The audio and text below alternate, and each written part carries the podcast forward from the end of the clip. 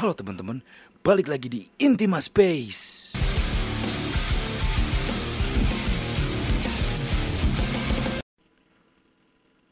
Di episode kali ini spesial teman-teman. Kenapa spesial? Karena saya bakal ngobrol bareng narasumber yang bisa dibilang bagi saya itu sosok yang penting. Dia bisa dibilang guru buat saya. Dalam banyak hal. Guru dalam seputar desain. Lalu guru dalam spiritual asik enggak lah. Intinya dia itu adalah tempat sampah bagi saya. Dan bisa dibilang panutan.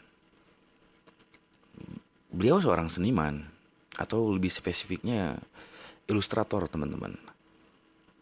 Ya mungkin beberapa teman-teman udah ada yang tahu dan mungkin beberapa juga belum tahu. Maka dari itu kita sekarang coba ngobrol-ngobrol sama dia. Saya bakal banyak nanya-nanya juga sama dia, banyak juga pertanyaan yang selama ini belum saya pernah tanyain juga nih. Mau saya tanyain. Mumpung katanya sih dia lagi nggak sibuk gitu. Tadi saya udah WhatsApp, katanya dia nggak sibuk. Coba kita telepon ya. Mudah-mudahan diangkat nih sama dia. Bentar.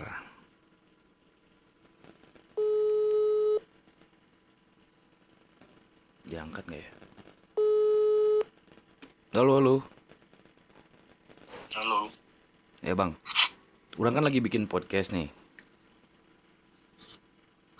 Hmm, Nah, Oke. se- secara orang tadi menjelaskan bahwa orang lagi mau ngobrol sama seseorang yang penting lah. Asik. jadi jadi jadi orang eh, mau nanya beberapa sedikit banyaknya beberapa pertanyaan lah ya. Oke. Tidak keberatan? Santai sikat aja langsung. Sedang tidak ada pekerjaan yang dikerjakan atau apa pun itu mungkin? Ada sih. Kesibukan mah banyak cuma ya gak apa-apa lah. Gampang. Bisa Oh. diatur prioritasnya. Asik. Si cinta? Bagaimana si cinta? Oh sekarang lagi mengalami ya gitu lah banyak problem problema gitu lah. Asik. Biasa. ABG paruh kedua. Oke baru kedua. Nah teman-teman by the way, eh perkenalan dulu lah tuh dengan siapa dan di mana? Oke. Nama saya Ade. Alias name saya banyak banget. Tapi Iya banyak sekali. paling umum orang bilang itu apa ya? Bisa dipanggil siapa sih? Paling umum? Emon. Oh iya Bang Emon. Nah bicara Ya, soal, intinya saya ilustrator. ya sorry sorry, Bentar lah. bicara bicara soal Emon. Tarik mundur ke 2013 atau 2012 akhir lah. Pertama kali orang kenal sama ente itu kan, kalau nggak salah nama FB FB ente tuh Emon Manki ya dulu. ya? Manki, Manki sebenarnya. Oh iya benar benar benar. Manki Manki M A N K I. Nah, terinspirasi dari apa sih sebenarnya itu nama? Apa ada makna tersendiri gitu? Atau ada makna khusus kah? Nama Emon kan jauh dari Ade. Emon. Bisa dijelaskan tolong Pak Oh kalau itu. kalau Emon mah kan bawaan sebenarnya bawaan itu sih bawaan peran drama. Eh, Hmm. yang apa sih ngebawain catatan si boy kan ada peran Emon Oh, iya iya iya. Nah, itu. nah terus Nah kalau ujungnya jadi Emon Manki itu sebenarnya gini kan suka apa sih ada seniman namanya Frida Kahlo.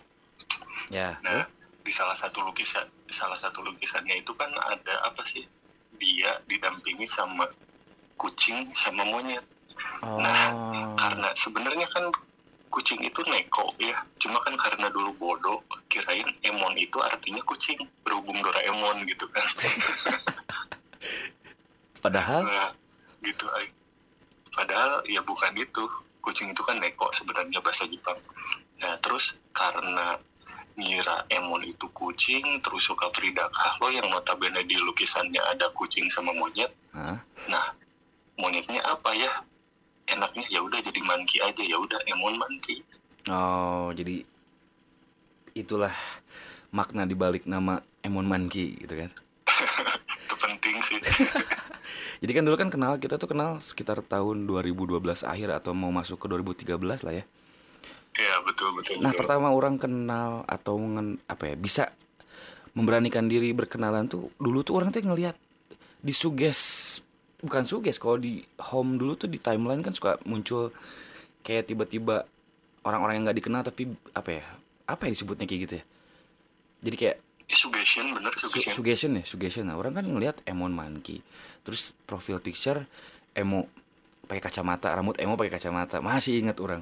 Terus wah anak emo nih karena berhubung pada zaman itu kan emo lagi ya maksudnya tren emo tuh lagi bener-bener hype lah ya di kalangan Iya, anak. Nah, jadi orang pas buka profil ente wih suka gambar-gambar juga gitu kan dulu tuh ya emot emotik artwork kalau nggak salah si signaturnya tuh ya iya benar-benar Terus ente juga suka posting-posting tulisan-tulisan yang puitis lah. Kalau zaman sekarang mah Firsa Besari kali ya. Tapi berbau-bau Ya, berbau-bau imo gitu. Jadi kata-katanya tuh yang bener-bener apa ya? Nyeleneh. Cuman ah udah pokoknya intinya gitulah, imo banget lah. Makanya orang add. Imo tapi versi lebih jorok lah Nah, eh, makanya orang add karena ya mungkin bisa membangun relasi gitu.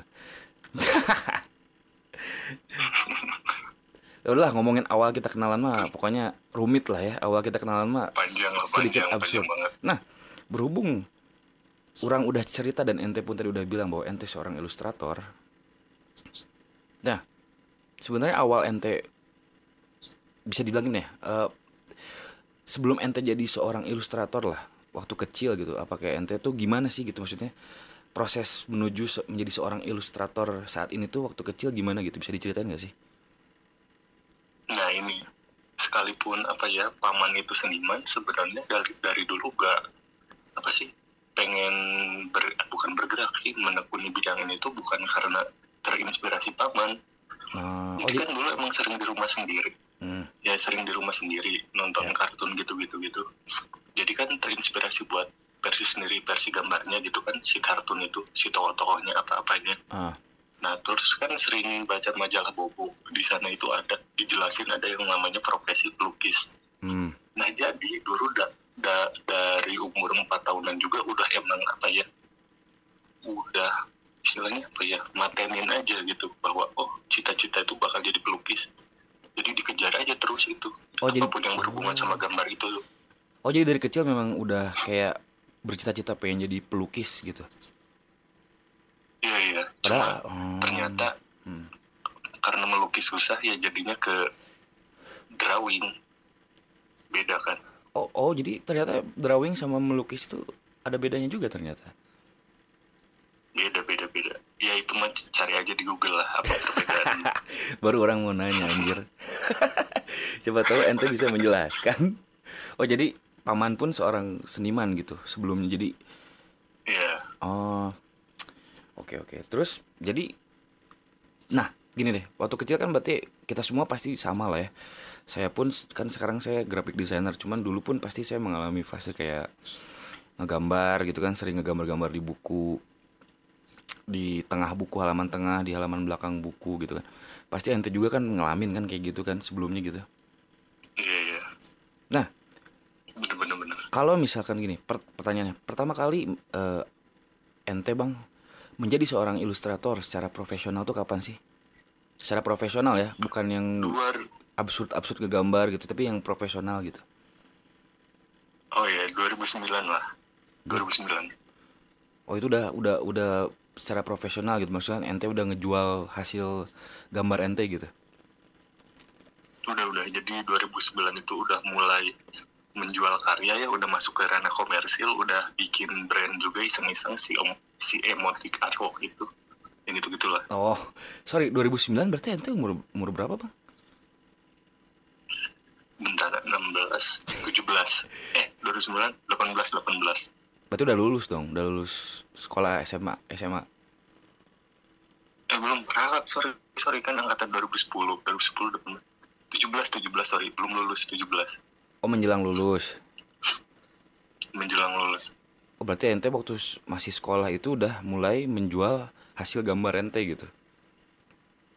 iya benar-benar Nah, pokoknya gini aja sih sejak Gimana? apa sih sejak, sejak makin aktif di acara-acara musik sejak punya banyak kenalan musik terus sejak sejak sadar gambar itu bisa dijual dan apa ya dimanfaatkan di komunitas itu. Jadi ya itu mulai. Oh jadi ente juga dulu suka suka ke gigs gigs acara-acara musik gitu. hmm, sangat sangat sangat sangat. Kenapa dulu apa sih secara linknya bagus gitu kan bagus banget malah. Ya karena emang hobi sih hobi nge-gigs. Dulu mah ya. Oh, jadi nggak kayak sekarang ya. Kalau sekarang mah kan tinggal kita bikin Instagram, posting-posting, hashtag-hashtag, bisa dapet ini ya. iya iya kalau dulu mah effortnya lumayan sih lumayan gede banget Iya sih benar harus datang ke gigs, harus kenalan sama orang, terus harus SKSD lah bisa dibilang kan. Biar bisa dapet Iya, iya. channel-channel. Nah, iya kalau bicara ini kita ngomongin harga nggak apa-apa nih. boleh boleh. Penasaran juga sih, orang penasaran sumpah. Pertama kali waktu itu 2009 ente ngejual desain, itu harga berapa sih? lima puluh ribu sih Serius? gak gede-gede gimana gitu serius lima puluh ribu 50 dan itu tuh udah mencakup banyak apa ya bukan banyak sih intinya mah lima puluh ribu itu udah termasuk beberapa jenis file yang tinggal siap pakai aja mau di print mau di sablon mau di apa pun itulah bebas Anjir, 2009. Terus ente pakai tools atau aplikasi apa gitu? Kan kalau sekarang kan kayak Corel Draw gitu kan. Ya mungkin 2009 Corel Draw masih asing kali ya. Maksudnya nggak beberapa orang tuh belum apa ya, belum paham cara ngoperasi ini kayak sekarang gitu kan. hmm, iya sih cuma orang tuh sebenarnya simpel sih karena orang apa ya 90% itu gambar tangan Nah, 10 persennya itu paling ya di Photoshop aja sih tinggal ya retouch dikit-dikit oh jadi pada saat itu udah pakai Photoshop. udah dong jelas-jelas sebenarnya gini nih kalau boleh ini bukan sombong sih biasa Nah. aja sebenarnya jadi sebenarnya udah mempelajari si Photoshop itu Photoshop Corel dan apa pun itu ya aplikasi Hmm? dari kelas 2 SMP Anjir. Pakai Corel Corel dan Iya. Photoshop kelas 2 SMP. Ya, dan sebenarnya gini nih kalau dihitung kalau ini dihitung ya Ah. sebenarnya jual gambar itu dari kelas 2 SMP cuma kan itu mah apa ya istilahnya eh, belum belum apa ya belum benar masih iseng-iseng dan Ah. dijual per gambarnya itu belasan ribu gambar Corel gitu Anjir. nah baru yang benar-benar propernya mah ya 2009 Anjir SMP udah pakai Corel, kurang aja SMP. Pelajaran TIK paling cuman cabut colok disket anjir. Asli, paling orang belajarnya di luar itu Oh. Oh, jadi pada situ tuh udah udah Jadi mulai. Oh, gimana gimana coba cerita-cerita. Penasaran orang belum pernah nanya soalnya ini sebelumnya nih. jadi gini jadi pas tahu orang ngegambar terus punya komputer pertama Hmm. ya pas kelas 2 SMP itu kan pertama punya komputer nih Ah, nah jadi si abang ngebeliin beberapa buku nah sama orang pelajari Oh. Iya. buku soal ya Corel Photoshop yang itu gitu bahkan Adobe Adobe Premiere Hmm. After Effects eh, 3D Max orang belajar di kelas 2 dari kelas 2 SMP Anjir. 3D juga orang udah belajar dari kelas 2 SMP Orang kuliah pun 3D anjir parah lah. Tidak mengerti. Iya SMP belajar 3D. Buset. Berarti tahun berapa Bang itu Bang kira-kira SMP? 2000. 2006 Anjir. 2006 orang baru lulus SD. nah, berarti lah nah kan udah nih waktu itu eh, berarti 2009 pertama kali. Terus waktu itu ngegambarnya ngegambar apa sih, Bang? Maksudnya jenis gambarnya tuh yang kayak gimana gitu? Apakah eh, model-model yang kayak sekarang gitu ya? Apa sih kalau sekarang horor-horor gitu atau gimana sih? Pertama ngejual gambar waktu 2009 tuh. Oh. gambar yang pertama kali terj- terjual seharga si 50.000 ribu itu Hah? eh, ngikut stylenya kayak droplet gitu tahu kan droplet Tahu tahu brand brand yang droplet itu buat yang belum tahu Asik. clothingan bikinan si Oliver si Oliver itu Oliver Kahn. Bring Me The Horizon Asik. Oliver kan. Tapi ente maksudnya waktu Nah, gitu. waktu pertama eh nih pertama ngejual 50.000 ribu terus nggambar yang genrenya mungkin kayak drop dead drop dead gitu itu tuh buat brand buat band atau buat orang aja gitu yang pengen punya artwork sendiri gitu bikin ya narsis lah bikin kayak dulu kan muka kita dibikin kayak kartun terus di zombie zombie terus pakai font nama kita mungkin kayak gitu gimana Hmm, jadi dibuat brand sih buat clothingan gitu nah si clothingan itu yang punya anak band anak bandnya kebetulan kenalan di gigs ya gitulah Oh, jadi udah udah udah buat brand gitu ya. brand-brand Oh, tapi untuk band sendiri pernah bikin nggak artwork buat band? justru sebenarnya eh, dari 2009 ke katakanlah sampai 2012 Hmm? Gimana gimana? Halo? gitu ya loh Tadi lep-lepan. Coba boleh dijelasin lagi?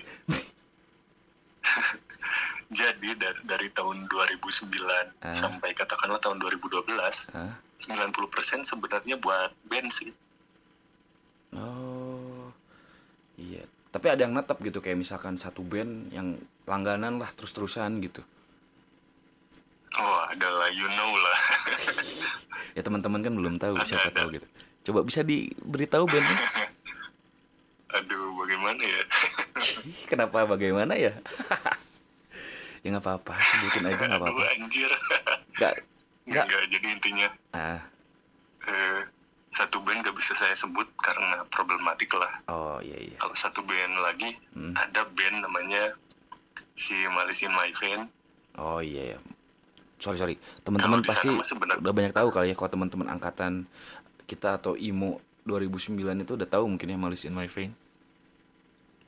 Pasti harusnya tahu sih Ya harusnya ya kalau nggak tahu berarti kan nggak ini ya, nggak gaul. kuper aja kalau gak tahu Terus gimana? Terus gimana? Tadi sampai mana? ya, ya gitulah intinya lah Nah, jadi jadi Malice in My Vein pun berlangganan lah pada saat itu gitu. Jadi netap buat dia gitu buat ngedesainnya gitu.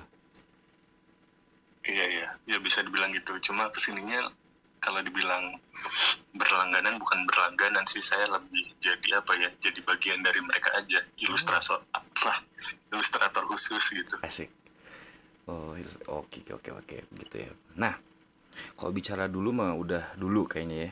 Nah, sering berjalannya waktu kan teknologi makin maju, terus juga media sosial makin apa ya, makin berkembang juga makin banyak kayak Instagram sekarang ada kemarin-kemarin Twitter juga. Jadi kan makin banyak gitu ya media promosi. Nah, yang orang denger juga atau yang orang tahu, ente sekarang kan apa ya ngelapak di marketplace nih Mhm. yang fiverr.com itu bukan? iya betul di Fiverr Nah, orang mau nanya, sulit nggak sih? Maksudnya berhadapan dengan klien di Fiverr yang notabene kan bisa dibilang 80 dari 100% tuh kan luar negerian lah ya, kebanyakan gitu.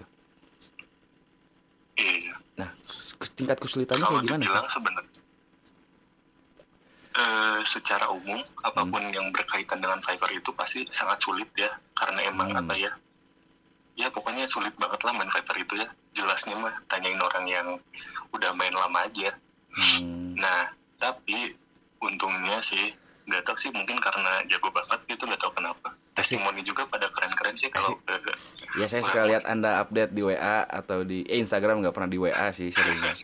Testimoni ya. Iya, Nah, iya. bicara Iya, harga tetap aja di balik itu mah mengeluh nggak bicara harga lagi nih. anjing susah gitu kan Enggak, sekarang bicara harga lagi nih.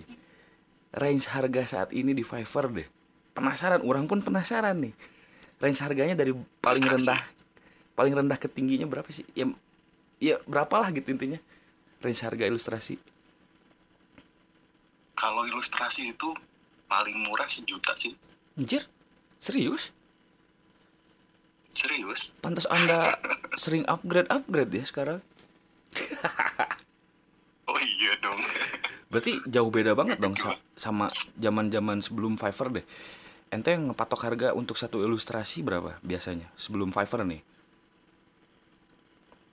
Kalau sebelum Fiverr mah sebenarnya mulai dari 300 sih. Oh standarnya 300 ya sedih memang Tapi pada saat itu 300 sudah lumayan kan? Eh, ya lumayan lah daripada enggak gitu Iya sih, bisa beli cilok segerobak. Iya, kalau di Viper kan udah bisa gini. Kalau misalnya ada yang 300, ah, apaan murah? Ganti aja. Aduh, Skip, skip, skip. waduh, waduh, waduh, waduh. Benar-benar Anda ya. Enggak, enggak. Nah kan dulu 300 berarti jauh banget bedanya sama sejuta ya. Berarti Fiverr ini membawa berkah sekali ya.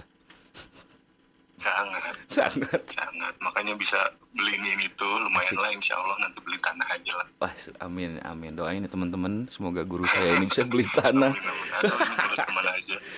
Intinya sih tanah yang lebih tinggi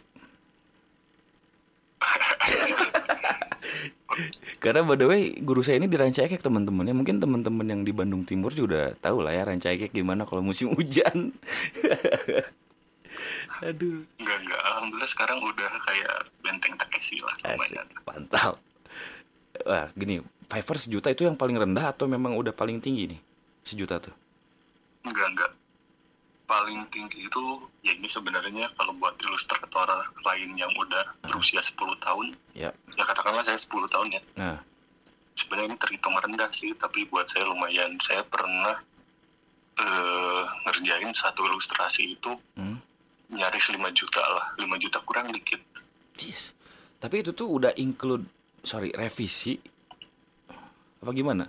Iya iya. Revisi revisi dan semacamnya lah Tapi kan prosesnya sama kayak logo kali ya kan kalau saya dulu bergeraknya di logo desain nih bang orang kan ya.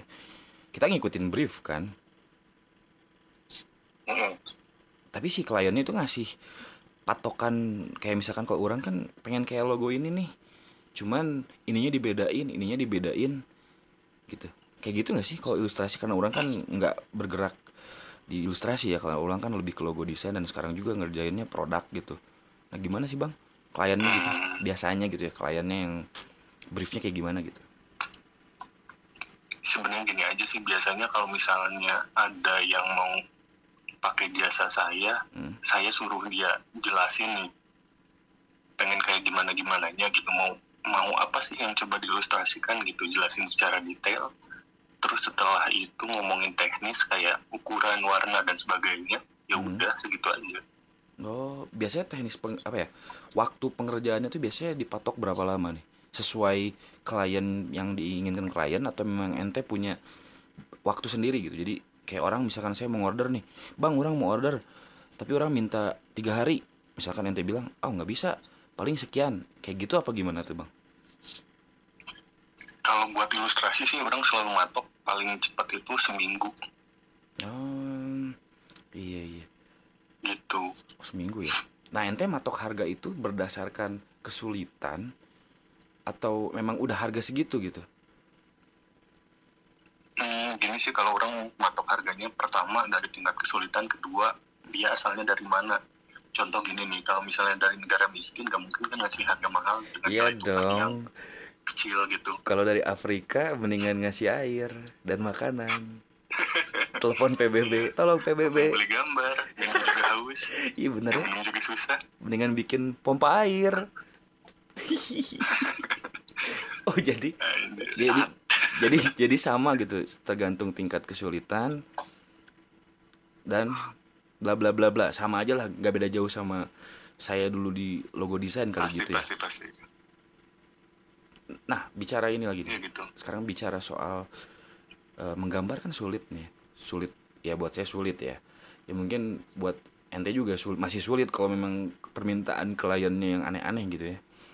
Nah proses brainstorming ente tuh kayak gimana sih biasanya kalau Tapi tidak pernah saya jadikan ter- mah apa? Lanjut lagi tadi? Brainstorming ya. enggak sebelumnya apa itu?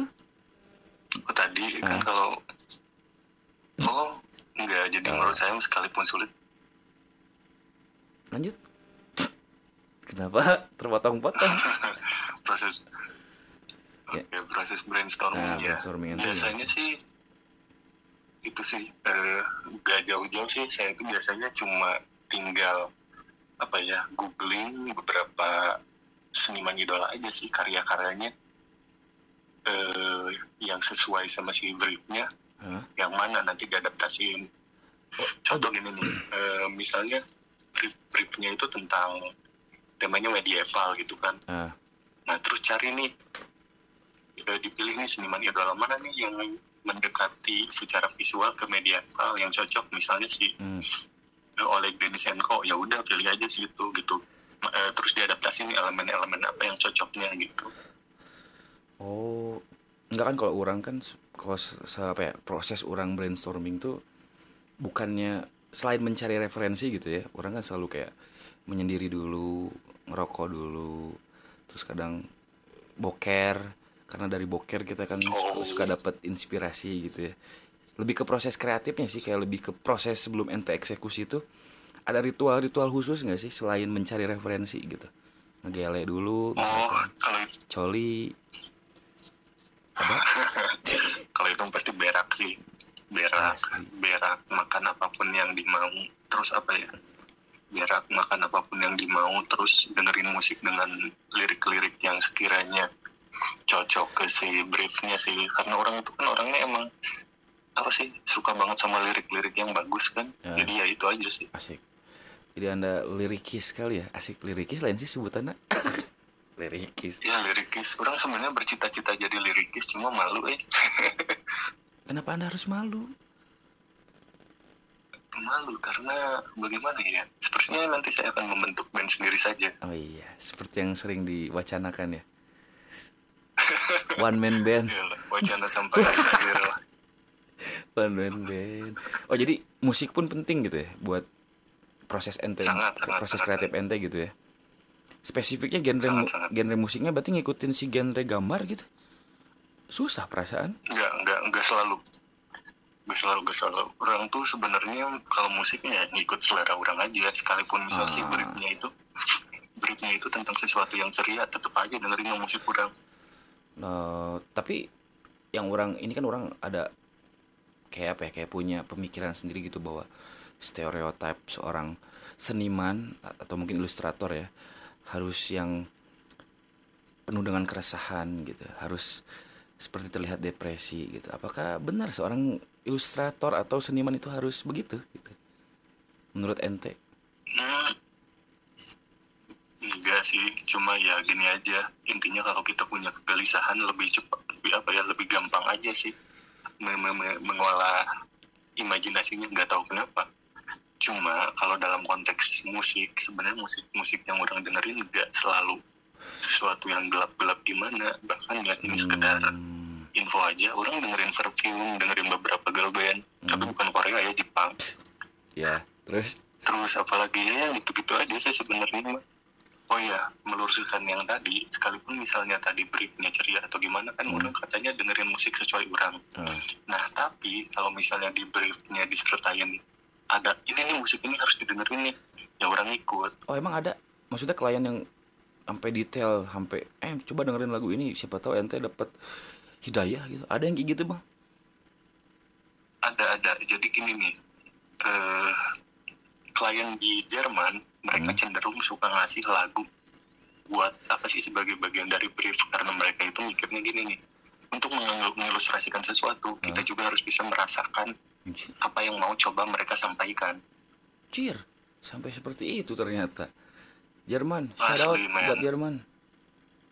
Salam buat makanya ketika orang dapat testimoni yang keren-keren dari orang Jerman eh, wah itu kebanggaan tersendiri sih berarti sejauh ini klien paling tersulit nih dari negara mana yang udah ente kerjain deh? Jerman. Jerman itu paling sulit karena mereka detail oriented sama perfeksionis. Wow. Biasanya tema-tema apaan? Gambarnya bang? Macam-macam sih tapi sejauh ini ya. Ah. sejauh ini yang paling banyak itu Jerman itu lebih ke medieval medieval gitu abad pertengahan. Oh iya iya. Benar-benar. Iya sih ya, kayaknya kalau denger Jerman terus kalau udah denger bahasa apalagi kalau ada lagu Jerman gitu, bawaannya pengen perang salib. ya ya Guten Morgen Anjing Guten Morgen lah. Aduh. Aduh, jadi berarti intinya Gila. musik tuh penting banget ya buat proses kreatif gitu. sangat sangat tanpa tanpa musik itu saya tidak bisa bernapas Asik. Haram musik itu, Bang. Menurut Kardun Kardun. nah, ente kan juga anda jangan salah ya Hah? Oh, iya iya. Nah, ente ente kan punya beberapa nama panggung nih, ya. bisa dibilang nama sebutan dulu kan sempet Emon Monkey, terus sempet juga ganti Knight and Martyr apa? Susah saya nyebutnya. itu mah brand Oh itu brand. brand itu Night in Martyrdom Oh tapi masih ada sampai sekarang atau sudah lenyap? Masih sih masih cuma eh, dalam apa sih sedang transisi ke mengganti si brand itu dengan alias name sendiri si Anemian Lord. Nah, bicara soal Anemian Lord, ente kan punya dua akun. Satu Dracula, eh Draculta, satu lagi Anemian Lord. Yang saya lihat di Anemian Lord itu postnya pasti meme. Kalau enggak kayak ente berkeluh kesah yang gak jelas gitu. Nah bedanya apa sih kalau di Draculta dan Anemian Lord itu secara postingan deh? Atau bisa ente jelasin secara spesifik? Apakah itu dua karakter yang berbeda dari diri ente? Atau gimana? Coba. Nah ini juga rada bingung ya. Hmm. Kalau si Negan Martyrdom itu sebenarnya apa ya? Untuk mewakili salah satu sisi dari saya yang kritis, eh, Alter ego kasar, gitu. nihilis, yang gitu-gitulah, yang gelap-gelap. Nah, kalau si Anemian Lore itu lebih ke mewakili saya yang apa adanya, yang ya ini nih bentuk paling apa ya paling sebenarnya dari seorang ade tuh ya si akun si Anemian Lore ini. Oh gitu. Jadi kalau si eh Dracula kan sekarang? Bukannya Dracula sih dibacanya Dracula aja. oh Dracula. Itu terinspirasi dari mana atau ente emang ingin menjadi Dracula gitu atau ente suka minum darah? Ada ada maknanya nggak sih? Oh, sebenarnya Dracula sama Anemian Lore itu eh, rada-rada mirip sih inspirasinya. Jadi intinya kan saya itu dulu ada masanya sering mengalami anemia gitu kan. Astagfirullah. Ternyata itu. Nah, kan kalau orang anemia pasti perlu darah. Ya udah berarti hubungannya sama Dracula yang sama-sama perlu darah gitu kan. ya kan? Oh oh jadi Nah, oh iya iya coba, coba terusin terusin dulu. Nah kalau anemian lor Ah. kan misalnya gini nih, negara Indonesia bangsanya berarti jadi Indonesian gitu kan. Oh iya ya jadi anemian bangsa anemia. Nah, kenapa ada kenapa anemian lor alias apa sih? Ibaratnya pemimpin bangsa anemian. Jadi kan dulu pas masa-masa anemia apa sih ketiduran. Terus tiba-tiba mimpinya itu saya jadi raja di suatu negara yang penduduknya itu mengidap anemia semua. Seabsurd Jadi itu gitu aing terpercaya sumpah eta seabsurd itu bang. Asli asli men, asli. Shit. Orang kira, orang kira sorry ya dipotong. Orang kira ente anemian lord itu karena apa ya? Karena anime kayak gitu atau mungkin apa kayak se seabsurd itu bang? Oh, enggak, enggak. Enggak. Orang tidak se, se, se, se otaku itu sih enggak sih. Orang enggak begitu sama anime sebenarnya. Oh jadi jadi sering berhubungan gitu ya anemian lord itu adalah raja para dari kaum an yang suka apa dari kaum yang mengidap anemia. Terus Dracula itu penyuka darah gitu. Iya. Dia sama-sama membutuhkan makanya darah. itulah. Shit. Iya, semuanya berkaitan dengan darah lah. Anjrit. Sungguh filosofis sekali ya. Saya terharu mendengarnya. Baru tahu Bang sumpah selama kita kenal orang nggak pernah nanya ini sebelumnya kan. Tapi orang baru tahu Ya, hari dan ini. Masalahnya anjir. Masalahnya tiba-tiba nongkrong. Tolong itu artikan apa Dracula sama Anemian Lord. Tapi tapi sengalor ngidul obrolan kita lamun nongkrong. Tapi orang cam pernah menyerempet soal nickname-nya. Asik. Soal nama panggung Gak pernah, gak pernah. Aduh parah. Rata-rata bahasan kalau tiap nongkrong itu yang gak jelas lah. Tapi biasanya lebih ke, aduh gimana ya. Yang Nah, gitu-gitu iya. lah. Aduh gimana ya. Oke oke. Nah soal nama panggung udah. Terus orang juga mau nanya nih, ada perbedaan atau menurut ente perbedaan yang ente rasain sebagai ilustrator dulu dan sekarang lah. Apa sih perbedaan yang paling kontras yang jelas kerasa sama ente? perbedaannya yang sekarang itu eh, secara fasilitas sama platform lebih gampang ya lebih mudah lah. Yes. cuma di sisi lain dengan mu- kemudahan itu semua persaingan juga jadi semakin ketat. Itu aja sih. Ya sih, karena semakin orang semakin banyak yang terjun juga kali ya karena semakin mudah gitu. iya gitu aja. Oh, Eh, jadi terus gini nih eh, di satu sisi saya orangnya itu gimana ya saya senang sih banyak orang yang mulai terjun ke bidang ini karena ya bagaimanapun juga ini tuh untuk apa ya memajukan kualitas yes. seni katakanlah Indonesia tapi di sisi lain juga saya mikir anjing aku benci persaingan Asik. oh iya itu sih. ini ini nggak penting sih cuma biar pendengar tahu aja kalau saya itu sebenarnya orangnya yakin Oke, jadi semakin maju kemudahan semakin diberikan lah ya sama teknologi sekarang dan kemajuan zaman tuh. Nah kan semakin banyak orang yang terjun. Nah sekarang yang orang lihat tren yang berkembang gitu ya karena orang kan bekerja di fashion lah ya otomatis sering banyak nyari ya digging buat referensi gitu yang orang lihat tuh desain semakin ke sini tuh semakin simple gitu semakin kayak cuman desainnya flat terus cuman main warna detailing kurang cuman jadi main kayak gimana ya? Kayak kerasa semua semakin kayak asal-asalan gitu bang. Gitu. nah menurut ente tuh karena kemajuan zaman atau memang karena kebutuhan di zaman sekarang seperti itu gitu? Jadi orang ngelihatnya nggak desain-desain sekarang tuh kayak ya asal-asalan aja sih tapi orang beli gitu. Tapi orang suka gitu. Hmm, menurut ente gimana? Ya sebenarnya itu pertama itu bagian dari tren ya. Kedua mau simpel mau ribet ya kalau bagus mah gak, gak masalah. Cuma kalau jelek mah ya mau di- diledek silakan aja. Toh yang jelek emang pantas diledek sih. Kecuali orangnya kenal pantas didukung. Oh iya seperti saya yang ya. bikinnya kenal gitu pantas didukung gitu kan. Kalau orangnya gak kenal mah ya bilang jelek aja. Oh iya tuh. Jadi menurut ente gara-gara tren aja gitu ya semata-mata karena tren yang nantinya juga bakal Ya, ganti lagi sih. gitu. Iya iya. Nah kan ente kan seorang ilustrator nih. Nah sekarang yang bisa ente lihat di pandemi ini kan bisa dilihat lah di job street di di apa ya di web-web lowongan kerja tuh kebanyakan graphic design gitu yang dibutuhin. Apakah ente nggak ada niat gitu buat beralih dari seorang ilustrator menjadi seorang graphic designer yang menurut orang ngerjainnya kan kayak logo berbeda lah ya. Sebutannya beda nggak sih bang kalau ilustrator dan graphic designer? Sebenarnya perbedaannya apa sih? jelas beda lah Beda kan? beda kalau mau tahu kalau mau tahu perbedaannya lebih apa ya lebih jelas dan Ya, komprehensif googling, biasa googling. Google aja sih Google.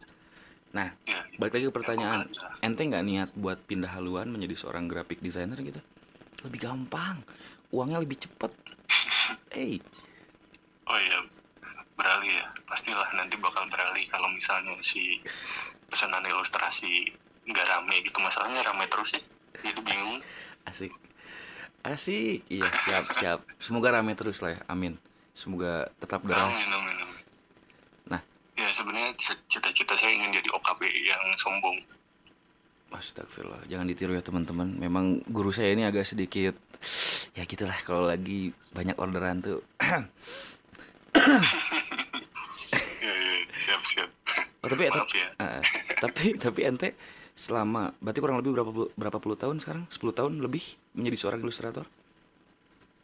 Ya hitung dari 29 2009 aja berarti berapa ya? Saya lemah matematika. Saya juga sama lemah udah nggak usah dihitung. 10 tahun lah. Oke, leb- oke. 10 tahun lah 10 ya tahun lah. Ente pernah ngerasa jenuh nggak sih? Eh, jenuh mah jenuh bukan jenuh sih lebih ke kesel. Kalau misalnya gak ada orderan kesel nih. Keselnya itu iya dong pasti kok dong. kayaknya kok keselnya keselnya itu semacam kok apa ya skill saya yang yang saya punya itu gak bisa ngasih manfaat gitu. Hmm. lebih gitu aja sih kalau bosan mah enggak sih. Oh jadi lebih ke kesel aja gitu ya? Iya. Nah kalau ente lagi stuck gitu ente biasanya ngapain? Apa kayak misalkan gini ente dapet klien dapat project dong terus ente stuck gak bisa ngerjain tapi udah keburu ente ambil gitu yang biasanya ente lakuin nge-cancel kah misalkan refund kayak gitu atau misalkan ente paksain untuk nge-push diri ente yang memang udah stuck gitu untuk kerjain apa gimana Hmm. Biasanya gini sih, kalau misalnya nih udah terlanjur ngambil kerjaan, terus di tengah-tengah stuck gitu kan, hmm. pakai dua cara sih. Cara pertama, eh, liatin lagi referensi yang apa sih yang gak biasa dari sebelumnya gitu, apa Hmm. aja gitu, pokoknya nyari sesuatu yang baru gitu. Hmm. Kedua, biasanya nelpon temen aja sih, temen yang dirasa nyambung. Biasanya. Oh. Ap- Apa? enggak maksudnya Ya intinya.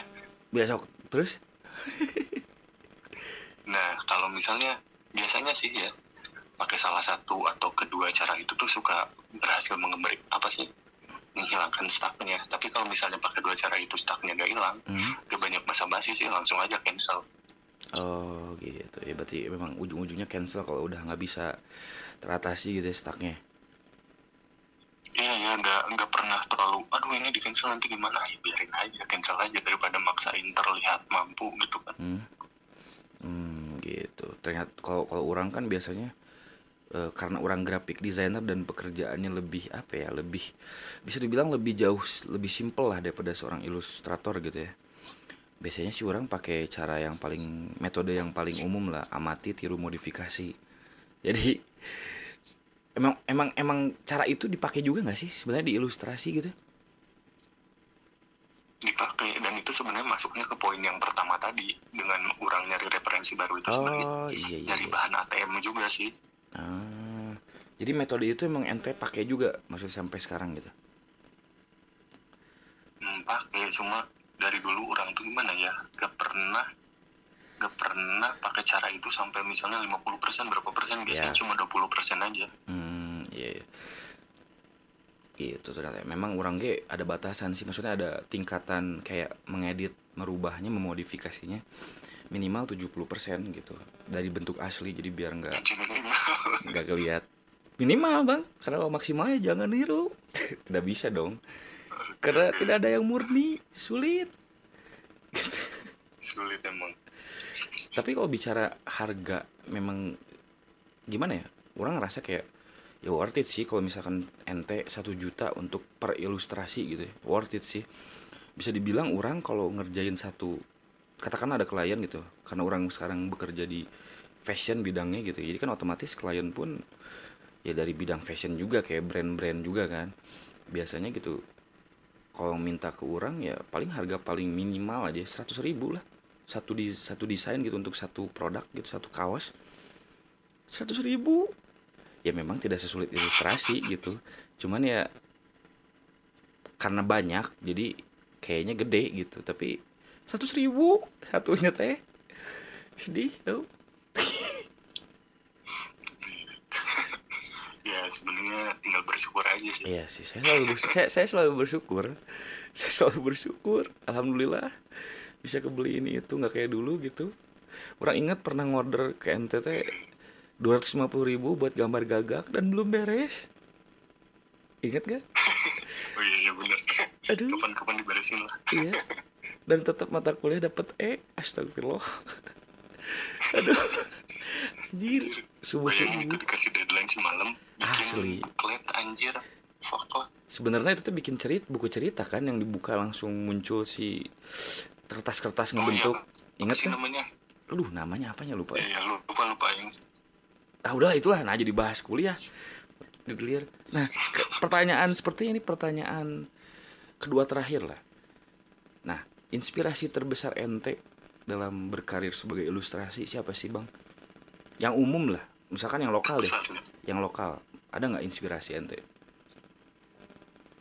yang lokal mah kayaknya dulu nggak ada nggak ada lokal mah luar sih adanya Tapi kalau yang disegenin nama ente lah di lokal. Ada nggak sih yang ente, uh, ini nih gitu. Lokal mah orang paling segan Hmm. tapi dianya hambal hambal parah sih Hmm. Riyandi Karuniawan sih Siapa, Bang? Orang pernah denger asa kayak pernah denger. jadi Riyandi Karuniawan itu seniman asal Aceh Hmm. dia itu seringnya bikin karya buat komunal The Sigit Ah, eh, Gaus Gaus Gaus gimana sih spellingnya Gaus ya gitu lah haus. Haus. Banyak lah itu Oh, Ri- Riandika siapa, Bang? Karuniawan Oh, Riandika, oh, Riandika. Iya, terus kalau luar misalkan luar inspirasi ente satu aja lah yang paling ultimate lah. oh itu mah gampang sekali kalau luar? Nama Oleg Denisenko jadi dia seniman asal Ukraina Wow. Terus dia genre menggambarnya apa genrenya? Hmm, bisa dibilang apa ya bingung ya. Dia itu kayak bayangin aja gini nih. Ini ada satu halaman isinya rumus matematika kalau nggak ada beberapa objek geometri gitu kan. Ah, terus ditambahin ilustrasinya kayak gitu gitulah oh, pantas ente sempet kayak bikin banyak apa ya elemen geometri lah ente pun ya. Kalau nggak salah nih kalau orang setiap iya lihat. iya.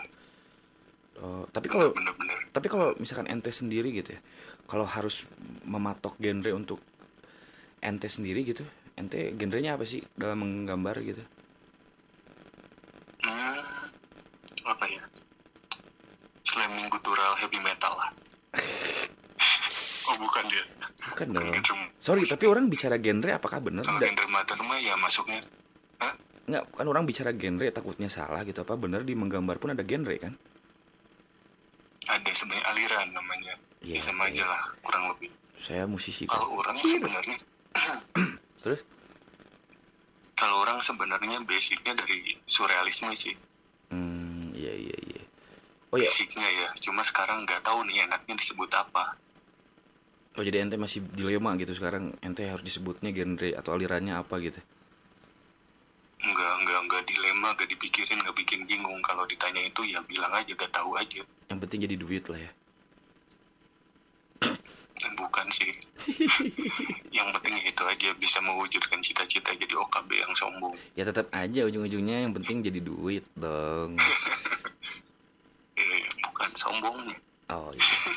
Nah kan kalau bicara surreal surrealis ada juga realis kan ya? Berarti eh, nah sebenarnya lebih gampang mana sih menurut ente? Orang pribadi sih lebih gampang pakai eh, surrealis sih.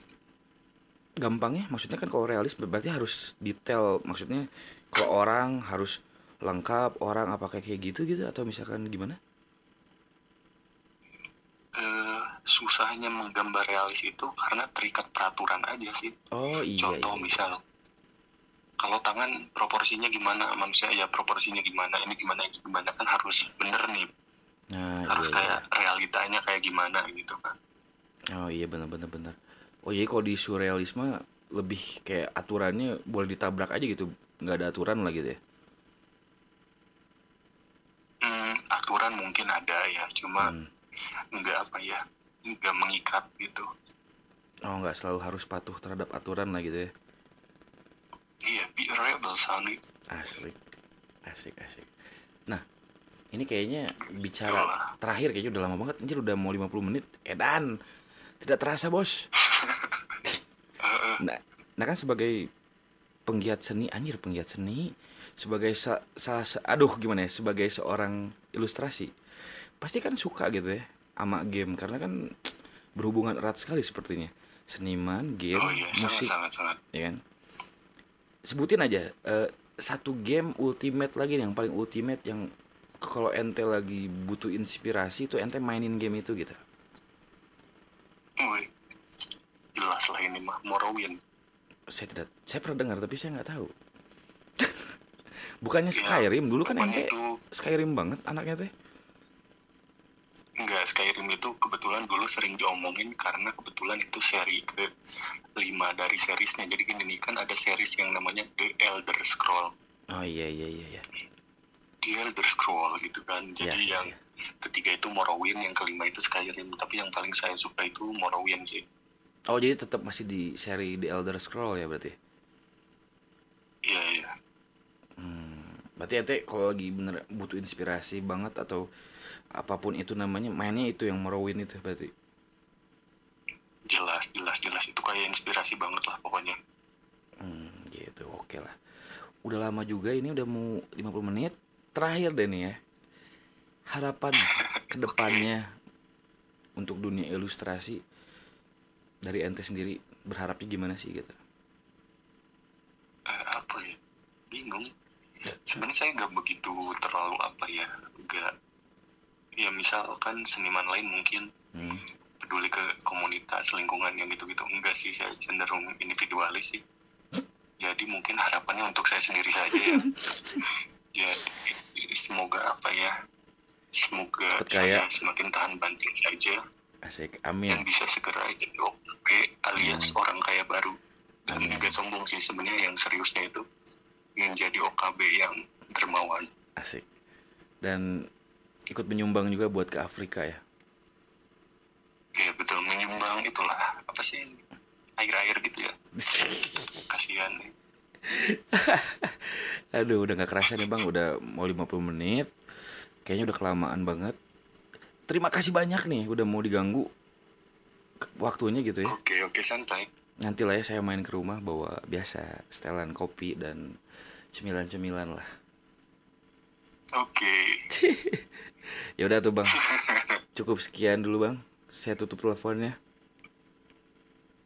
Oke, waalaikumsalam. belum. Belum belum. Assalamualaikum. Waalaikumsalam. ya bang. Yuk, yuk. itu teman-teman nggak kerasa banget kan? Ngobrol panjang lebar. Gitulah saya kalau udah ngobrol kalau sama dia ngobrol tuh apa ya kayak nggak lu- lupa waktu gitu. Bisa berjam-jam kita ngobrolin ngalor ngidul ngalor ngidul. Ya semoga obrolan kali ini sama senpai saya ada ada apa ya ada memberi memberi sedikit hiburan lah atau mungkin inspirasi buat teman-teman atau pengetahuan juga buat teman-teman. Gitu. Nah episode kali ini cukup segini aja kali teman-teman ya. Sampai ketemu lagi di Intima Space selanjutnya. Oh iya lupa pesan-pesannya. Seperti biasa, semoga kalian semua tetap sehat-sehat dan rezeki kalian lancar. Amin. Terima kasih buat teman-teman yang udah dengar dari awal sampai akhir. Sampai ketemu di Intima Space selanjutnya.